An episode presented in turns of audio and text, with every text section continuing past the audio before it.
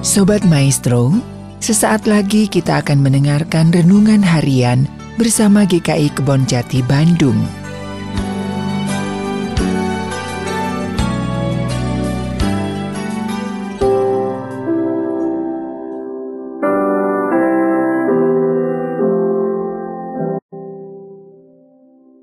Salam sejahtera jemaat yang dikasih Tuhan, kita bertemu lagi dalam renungan harian GKI Kebon Jati bersama saya Gus Gunawan. Dan hari ini kita akan membahas bagian dari Wahyu 11 ayat 1 sampai 14. Tapi saya akan membacakan Wahyu 11 ayat 1 sampai dengan 5. Tema kita hari ini adalah gereja tidak perlu takut untuk bersaksi. Nah, Saudara di bagian Wahyu 11 ayat 1 sampai 5 dikatakan sebagai berikut. Kemudian diberikanlah kepadaku sebatang buluh, seperti tongkat pengukur rupanya. Dengan kata-kata yang berikut, bangunlah dan ukurlah bait suci Allah dan mesbah dan mereka yang beribadah di dalamnya tetapi kecualikan pelataran bait suci yang ada di sebelah luar. Janganlah engkau mengukurnya karena ia telah diberikan kepada bangsa-bangsa lain dan mereka akan menginjak-injak kota suci 42 bulan lamanya. Dan aku akan memberi tugas kepada dua saksiku supaya mereka bernubuat sambil berkabung 1260 hari lamanya. Mereka adalah kedua pohon zaitun dan kedua kaki dian yang berdiri di hadapan Tuhan semesta alam. Dan jikalau ada orang yang hendak menyakiti mereka, keluarlah api dari mulut mereka menghanguskan semua musuh-musuh mereka. Dan jikalau ada orang yang hendak menyakiti mereka, maka orang itu harus mati secara itu. Nah, saudara-saudara, gereja, yaitu umat Allah sejati dari segala zaman, memiliki jaminan pasti dari Allah dan juga peran khusus di tengah dunia. Jaminan itu, saudara, tadi dilambangkan dengan perintah Allah kepada Yohanes agar ia mengukur bait Allah. Pengukuran bait Allah ini menjadi tanda kepemilikan dan perlindungan Allah atas semua umatnya, seperti yang dinyatakan di ayat 1 tadi. Dan jaminan itu diberikan terutama terhadap kenyataan bahwa bangsa-bangsa yang tetap mengeraskan hati menolak Injil itu akan menganiaya umat Tuhan. Dan dengan demikian berarti juga menghina Tuhan, seperti yang dinyatakan di ayat kedua. Nah justru di tengah kesulitan dan tekanan aniaya yang kecil itu, gereja kemudian dilengkapi untuk menjalankan dua peran, yaitu peran keimamatan dan peran kenabian yang dilambangkan sebagai dua saksi di dalam ayat keempat sampai lima.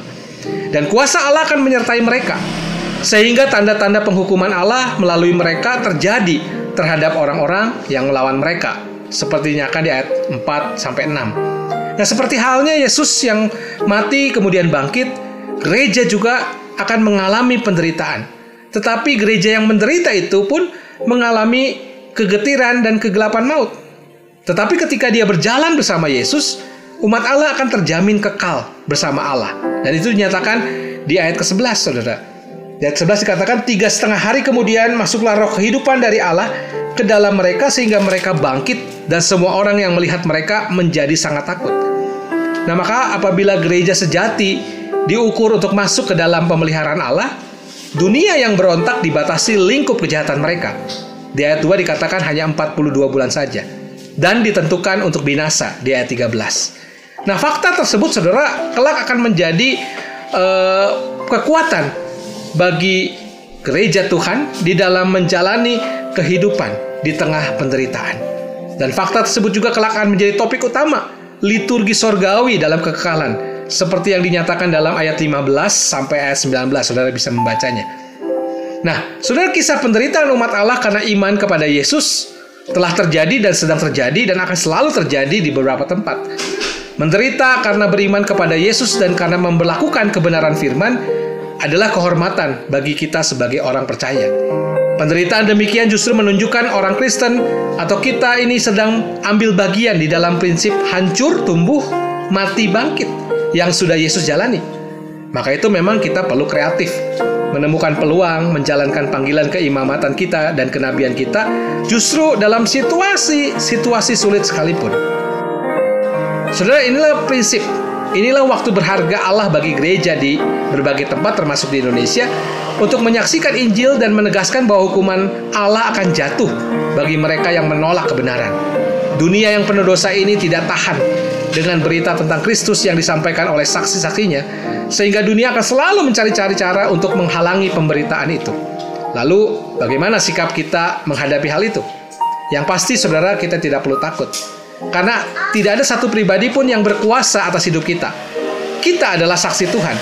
Dan Tuhan niscaya melindungi kita sampai kita usai menyelesaikan tugas kita. Jadi saudara, sebagai gereja, sebagai persekutuan orang-orang yang percaya, jangan takut, bersaksilah dengan berbagai cara dengan yang bisa kita lakukan. Tuhan memberkati kita. Amin. Sobat Maestro, baru saja Anda mendengarkan renungan harian bersama GKI Kebon Jati Bandung. Tuhan Yesus memberkati.